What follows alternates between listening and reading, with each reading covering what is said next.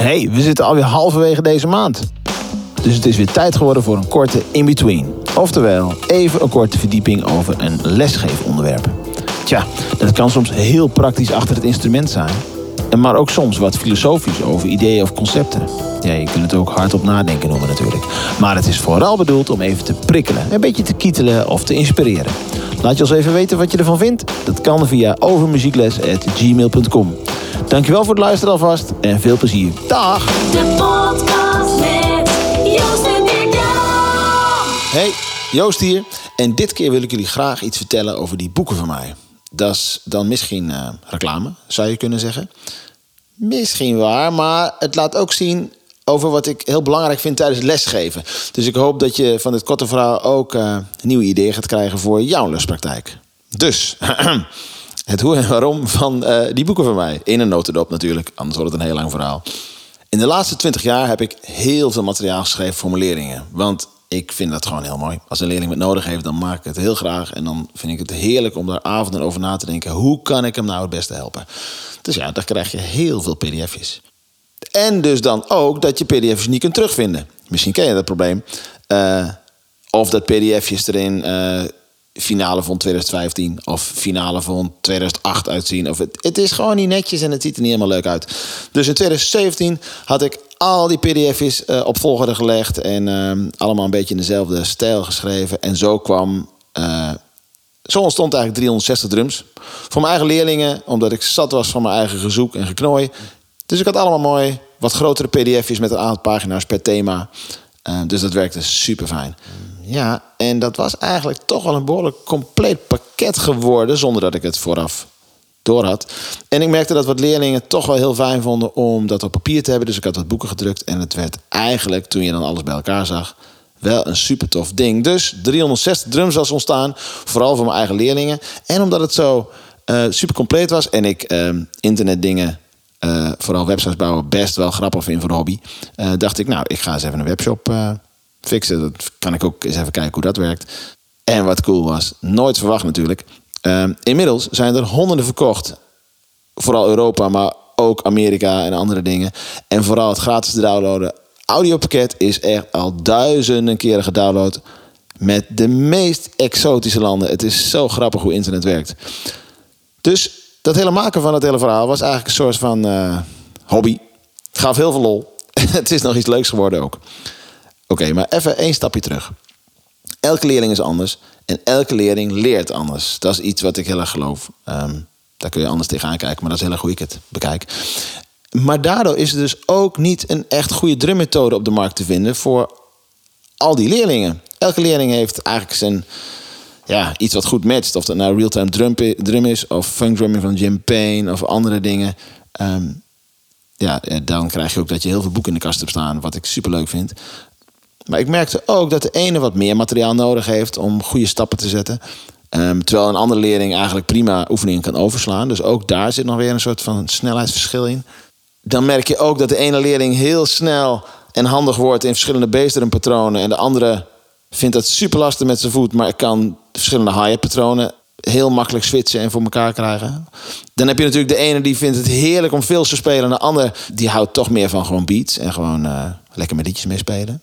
Er zijn zoveel verschillen. En eigenlijk toen ik al dat lesmateriaal bij elkaar zag in 360 drums... toen kwam ik er dus ook achter dat ik een soort van lesmethode gemaakt had... wat helemaal geen lesmethode is. Als in dat je op bladzijde 1 begint en lekker doorgaat tot bladzijde 190... want zoveel bladzijden eh, zijn er ongeveer. Het is een spel tussen leerling en docent... en je zoekt samen de beste route. En door de structuur van al die hoofdstukken en onderwerpen... kun je als docent super makkelijk jumps maken. Je weet op een gegeven moment als je de boek kent precies... hé, hey, maar nou ben je toe en dit en nu ben je toe en dat. Hoe zit dat dan precies? Elk hoofdstuk is dus eigenlijk begonnen uit een thema. Een verzameling pdf'jes over een onderwerp. En dat kan zijn een hi-hat patroon... of een eh, bepaald concept voor fills of een bepaald concept voor beats. En elke bladzijde van het hoofdstuk begint met de kern van een volgende stap. In dat patroon of concept. En als dat zomaar in één keer goed gaat... dan kan de leerling dus heel snel door naar de volgende bladzijde.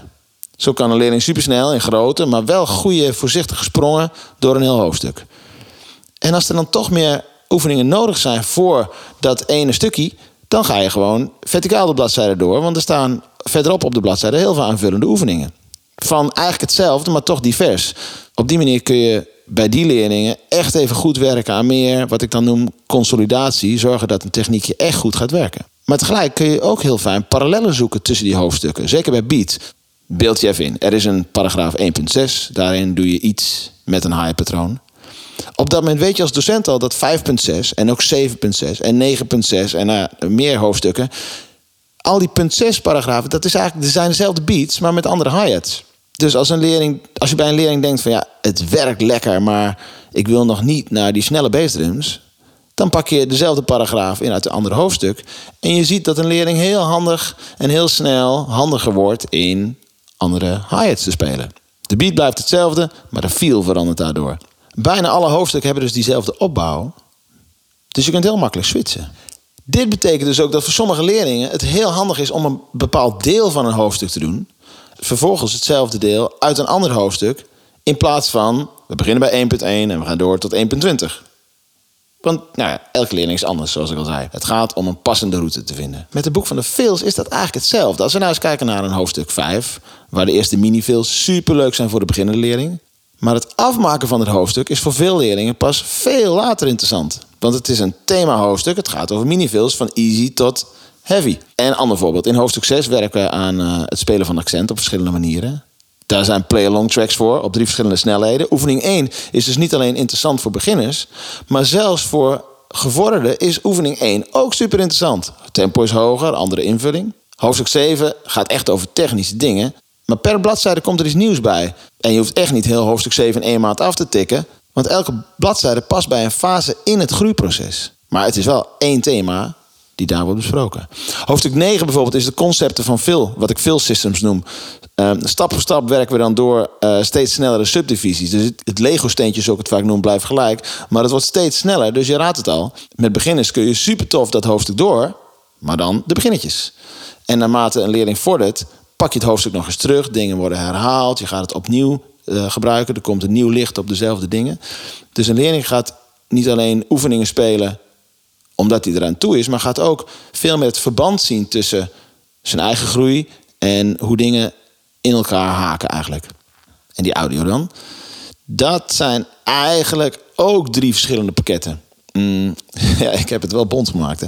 Eh, leerlingen vinden het altijd super langzaam lastig te oefenen. En ook om heel langzaam te blijven spelen.